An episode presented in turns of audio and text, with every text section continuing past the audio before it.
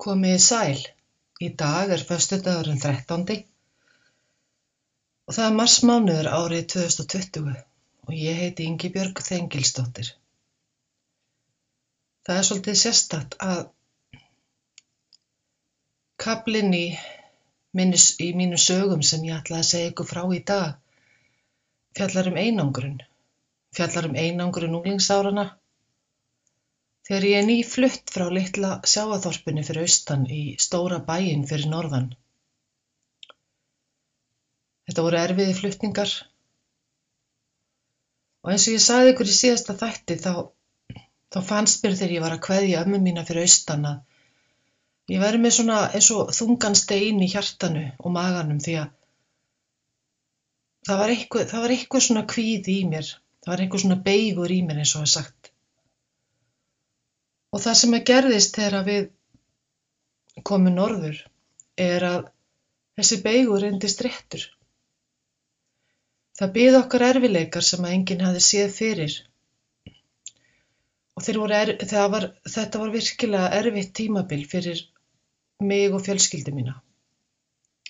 Það voru veikindi og, og, og, og pappi var mikið í burtu sem var mér mjög erfitt því að ég hafði alltaf verið pappastelpa.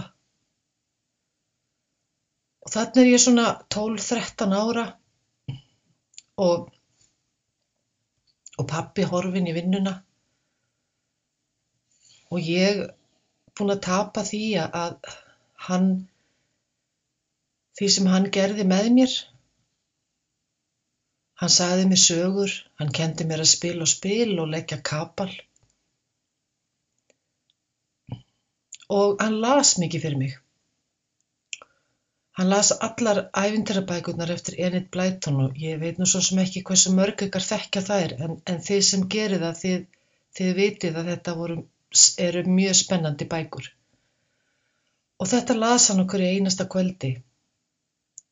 Og ég beigð alltaf spennt eftir hann kæmi heim og hefði tíma til að lesa fyrir mig. Þessar samverustundir hörfu allar og með þeim hvarf öryggið sem ég upplifi í þessum samverstundum. Öryggið og ástina og kærleikan frá pappa mínum.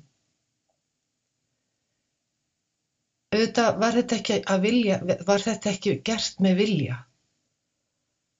Staðan var bara svo að hann þurfti að vinna mikið til þess að geta séð fyrir okkur. Við vorum fjögur sískinn á þessum tíma og og það var bara þetta var bara mikið mál. En það sem að gerðist hjá mér í dag þegar ég fór að huglega að, að nú þurfti ég nú að segja ykkur næsta kaplan í sögunni minni var ég að ég fór að huglega inn að þennan tíma þarna sem að ég er svona frá 11 til 14 ára gömul og, og, og ég, það fyrsta sem kom upp í hugan var þessi einangrun. Hvað ég einangraði mig mikið og ég lokaði mig af og, og ég bara var yngan veginn í góðu formi. Það var erfitt í skólanum og, og, og þessi, þetta eru svona eineltis árin. Mér var mikið strýtt. Ég kem þarna austan í þennan skóla á Akureyri, ég var að talaði öðru sem krakkarnir, ég var Ég þurfti líka að fá glerugu, það þótti nú ekki fínt á þessum tíma. Og, eh, og ég meir þess að pýndi mig til þess að vera glerugnarlaus í skólanum og, og ég sá ekki nýtt á töfluna og þar að leiðandi námsárangurinn fóru þetta alveg í, í steipu og allt það. En, en nógum það, það var þessi einangurinn, þessi, þessi, þessi tilfinning sem að færa okkur alveg til að herpast saman og við svona byttum, nei, ég vil ekki vera í einangrun, ég vil ekki, ég vil ekki vera ein eða einn. Það eiginlega, sko, ekki, ekki til langframa. Ég er ekki að tala um það þegar við kjósum að vera ein og okkur líður vel ein heima eins og mér með prjónana mína og horfa á eitthvað gott í sjónvarpinu. Eða bara hlusta á eitthvað gott í útvarpinu eða eitthvað þætti svo er hægt að hlusta á endalust núna, allt mögulegt það er ekki einangrun. Það heitir að líða vel með sjálfum sér. Það er allt annað. Við skulum engan veginn leggja það til samanburðar. En að vera skikku til þess að vera í einangrun, það er allt annað mál. Og það, það er svo allt annað mál að það er ótrúlega magnað. Og það eru margir í þeirri stöðu í dag, hér á landi. Og það eru margir þarna úti sem að skilja það ekki af því að þeir eru ekki í einangrun. Þetta er nefnilega alveg reynd tvent ólíkt að velja sjálfur að vera einn heima í rúleitum eða vera, velja það að vera einn í vinnu heldur en að vera skikkaðu til þess. Og hvað gerist þegar við förum inn í þessa skikkuðu einveru? Já, það er alveg möguleiki að við verum hrætt. Okkur líði illa. Er ég að verða veik af því að ég var sett í sóttkví? Eða, eða er ég kannski völd, völd að því að það er einhver annar þarna úti veikur? Og það getur verið allskis hugsanir. Það getur verið allt mögulegt sem kemur upp. En fyrst og fremst þá er allt það sem er í gangi núna vegna þess að það er óþektur gestur í heiminum. Ekki óþekkur, heldur óþektur. Hann getur líka verið óþekkur, ég veit það ekki. Mjög líklega. En við þekkjum hann ekki. Við þekkjum ekki þetta fyrirbæri, þennan vírus. Við vitum ekkert hvað hann getur gert. Vísendamenninni vita það ekki, læknarnir vita það ekki. Hjúgrunafólki veit það ekki og við vitum það ekki. Leikmenninir á planinu. Og þá gerist það að við verum hrætt af því að við þekkjum ekki ógnina. Við höfum ekki í raun og veru neitt staðfast í hendi til þess að takast á við það sem er að gerast. Jú, við getum þegja okkur um hendunar En það er allt spritt og öll sóttræsisápa upp, uppseld í landinu. Ég er búin að kanna það, ég tekkaði á því í dag og hún mun ekki fást fyrir setnipartin næstu viku. Þannig að ok, ég hef ekki heldur þau tæki. Hvað ger ég þá? Ætli ég bara að láta óttan ráða yfir mér eða, eða og sita bara í honum hér heima og, og loka mig af? Nei. Það er nefnilega mjög slæmt. En hvað getum við gert? Þess að okkur líði betur og þeim sem er í kringum okkur líði betur. Hvað getur ein lítil mannvera gert til þess að hjálpa sambræðurum og samsýstrum sínum? Ég er með hugmynd og ég ætla að byggja ykkur um að hlusta og heyra líka með hjartan ykkar, ekki bara með huganum. Og við skulum setja höndin okkur á hjartastað, öll hérna saman, aðra höndina, ég nót alltaf vinstri. Og skulum aðeins ligna aftur augunum og draga djúft andan saman. Við skulum reyna að leyfa honum að flæða eins langt niður og við mögulega treystum okkur til. Og við skulum draga aftur að okkur andan. Eins og við treystum okkur til. Leifum honum að flæða inn um nasetnar og niður eftir líkam okkar og jafnvel alvon í magan ef hann kemst ánga. En það er allt í lægi þó hann komist ekki ánga bara eins langt og hann getur farið án þess að það valdi ykkur óþægindum. Við ætlum að draga okkur andan einu sinni enn.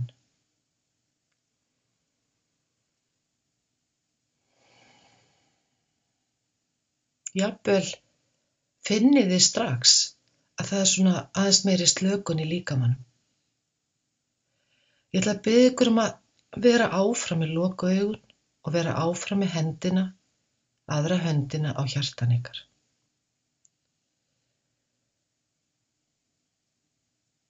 Og það sem að ég ætla að byggja ykkur um að gera núna er að ímynd ykkur að þið séu að tala við hjarta ykkar. Og þið ætlaði að spyrja hjarta ykkar, hvernig fer ég að því kæra hjarta? Að vera í ró, að vera í kærleika. Hvað er best fyrir mig að gera?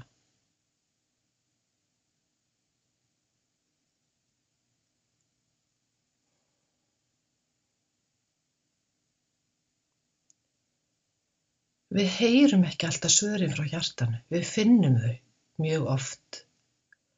Við finnum það með einhverjum tilfinningum. Það sem ég finn frá mínu hjarta er að hjarta mitt segir Náðu í styrk þinn. Náðu í styrkin sem að þú hefur innram með þér. Dragðu hann fram í dagsljósið og nota hann fyrst fyrir þig og svo fyrir aðra. Nú gæti einhver hugsa hann úti, já en ég hef engan sérstakann styrk. Það er byll og þvæla, við höfum öll styrk. Við höfum öll einhvern styrk. Það getur verið djúft á honum. En hann er þarna. Ég get lofað ykkur því.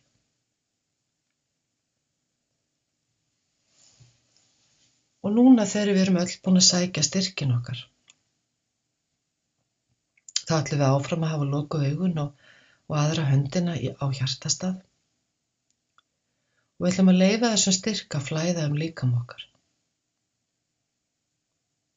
Hann getur verið svona kannski pinguliti kittlandi Hann getur líka verið svona eins og farið um hann svona aðeins litlar nálar eða, eða smá ströymur eins og við hefum fengið svona pingu ponsu lítið rálost.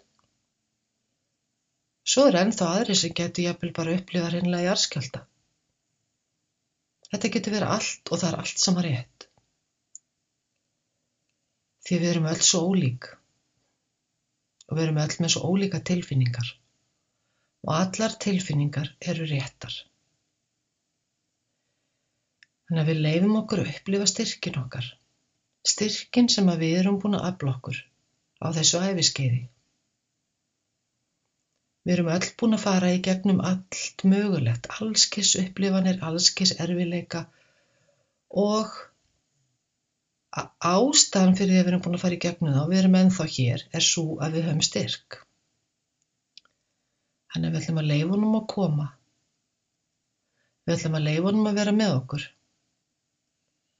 og við ætlum að leifa okkur að nýta okkur hann til þess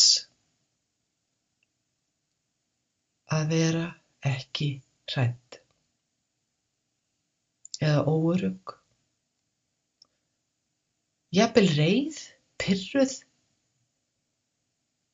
og bara það er búið að koma upp alveg óstjórnlega mikið af allavega tilfinningum hjá mér síðisleina viku. Meðal annars pyrringur, ég er búin að vera rosalega pyrruð ég menna ég, ég átti að fara til bandaríkjan í næstu viku þið getið ímyndið ykkur ég er ekkert að fara þánga auðvitað er ég búin að vera pyrruð yfir þessu. Ég var að fara heilstags námskeið úti ég var ekki að fara að skemta mér. Ég var að fara að læra meira um sjálfa mig og, og hver ég er og hva, hvað ég er að gera og, og hvert ég vil stefna með það sem ég er að gera í þessu lífi. Og nú bara búið að fresta því um ókveðin tíma.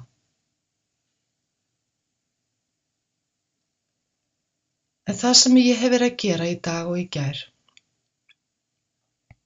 er að taka mig tíma til að vera með sjálfur mér og leifa mér að tengjast hjartanu mínu, tengjast styrknu mínum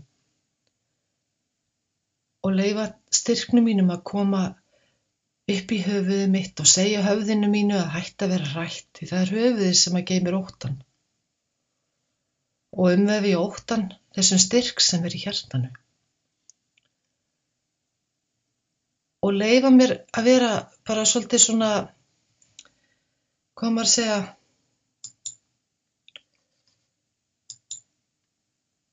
Bara segja öðrum hvernig mér líður og tala við þá sem er í kringum mig.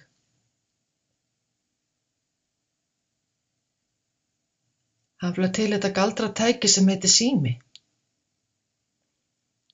og auðvitað allt mögulegt sem við getum nota til að tala við fólk. Við skulum nota það núna. Við skulum vera dögleg að tala við hvort annað. Við skulum vera dögleg að segja hvort öðru hvað við erum sterk og við komumst í gegnum þetta alls mann. Hvað svo sem okkur verður sagt af þeim sem vita miklu, miklu meira heldur en við um svona veirur og, og vírusa, þá erum við sterk og við erum enn sterkari þegar við stöndum saman. Við þurfum ekki nema bara einhvern einn sem að stendur með okkur. Og það getur jafnvel bara verið þú sjálf eða þú sjálfur sem stendur með þér. Það er nóg til þess að þú getur staðið upp í þínum styrk, hjálpa þér og svo hjálpa öðrum. Þetta er eins og ég segja í flugvilunum. Seti fyrst grímuna á yður og svo á þann sem situr við hliðin á þér. Þetta er alveg jafn magna fyrirbæri. Að taka stjórn á okkar eigin kærleika, okkar eigin styrk, okkar eigin getu til þess að vera sterkar verur í vitund í þessu lífi og deila því með þeim sem í kringum okkur eru. Það er okkar verkefni núna og við skulum taka það alvarlega á þann hátt að við berum virðingu fyrir því og við erum þakklátt fyrir það en við erum ekki að taka neitt alvarlega þannig að við ætlum að vera eitthvað voðalega sorgmætt við ætlum að vera glöð því að í gleðinni er styrkurinn. Í haminginni er styrkurinn og í kærleikanum er styrkurinn. Við skulum nota þetta saman og njóta þess að geta verið saman þær stundir sem við höfum þó þar séu bara símleiðis. Og ég byrði ykkur bara að hafa það gott og ég vona innilega að allt gangi vel fyrir okkar litlu þjóð. Takk fyrir í dag.